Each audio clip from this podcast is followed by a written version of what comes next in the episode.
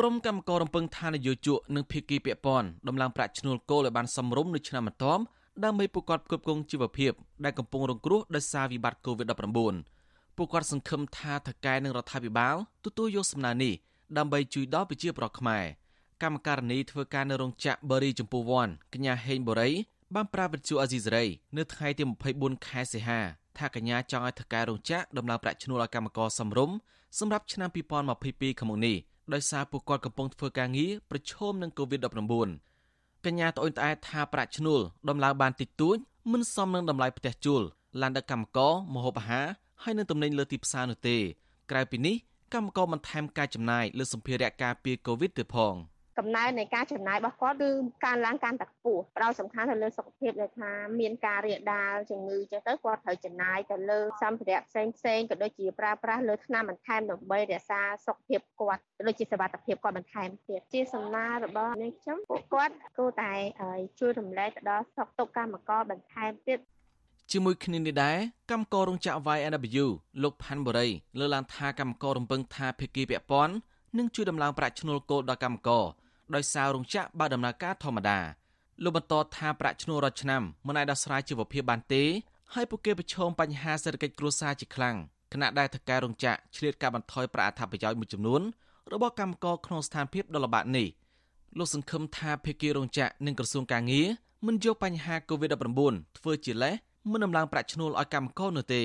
តែតាមខ្ញុំមើលទៅផលប៉ះពាល់សម្រាប់រោងចក្រដូចជាតិចតួចមិនមែនទេហ្មងដោយសារមកសម័យកូវីដយើងគឺរោងចក្រភាគច្រើនគឺនៅបន្តធ្វើការធ្វើអីធម្មតារហូតរោងចក្រមួយចំនួនទូចដែលគាត់បិទធ្វើការហ្នឹងតែចំពោះ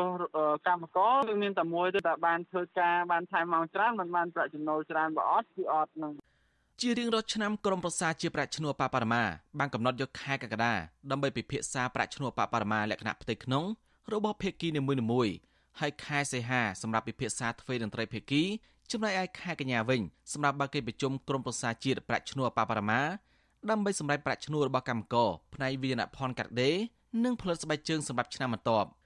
វិទ្យុអាស៊ីសេរីមិនអាចតតទៅអ្នកនាំពាក្យក្រសួងកាងារនិងបណ្ដុំបណ្ដាវិជ្ជាជីវៈលោកហេងសួរដើម្បីបញ្ជាក់ជំនាញរឿងនេះបានទេ នៅថ្ងៃទី24ខែសីហាចំណែកឯអគ្គលេខាធិការសមាគមរោងចក្រកាត់ដេរនៅកម្ពុជាលោកខេនលូវិញលោកប្រាប់ថាលោកជាប់រវល់ ទោះបីជាណាកាលពីពេលថ្មីថ្មីនេះមេដឹកនាំសហជីពបានជជែកគ្នានិងកំណត់តលហិកជាច្រើនដើម្បីត្រៀមចរចាប្រាក់ឈ្នួលគោលរបស់កម្មករសម្រាប់ឆ្នាំ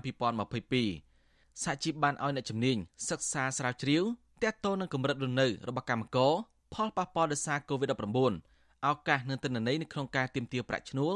ហើយរបាយការណ៍នេះក្រុមបញ្ចប់នៅដើមខែកញ្ញាដើម្បីជាមូលដ្ឋានសម្រាប់ការចរចានៅពេលខាងមុខនេះ។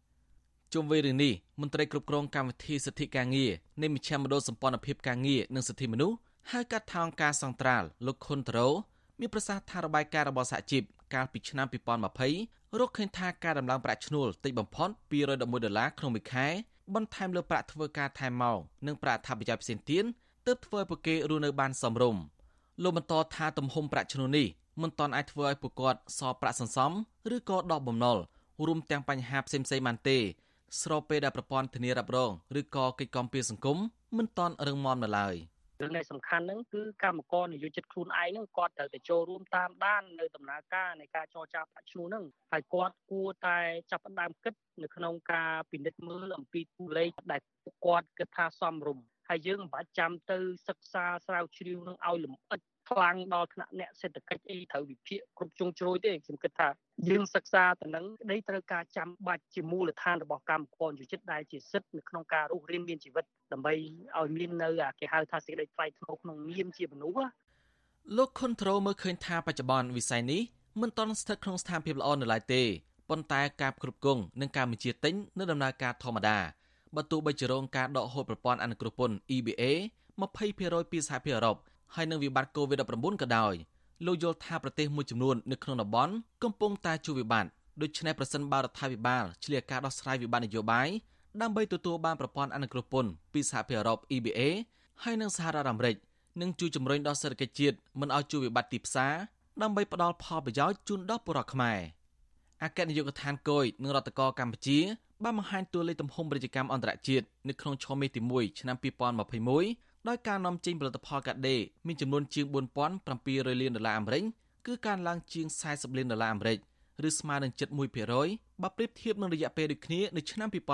2020កាលពីឆ្នាំ2021កន្លងទៅរដ្ឋាភិបាលបានដំឡើងប្រាក់ឈ្នួលបកបរមាសម្រាប់កម្មករនិយោជិនផ្នែកវាអាណត្តិផនកាត់ដេរនៅផលិតស្បែកជើងពី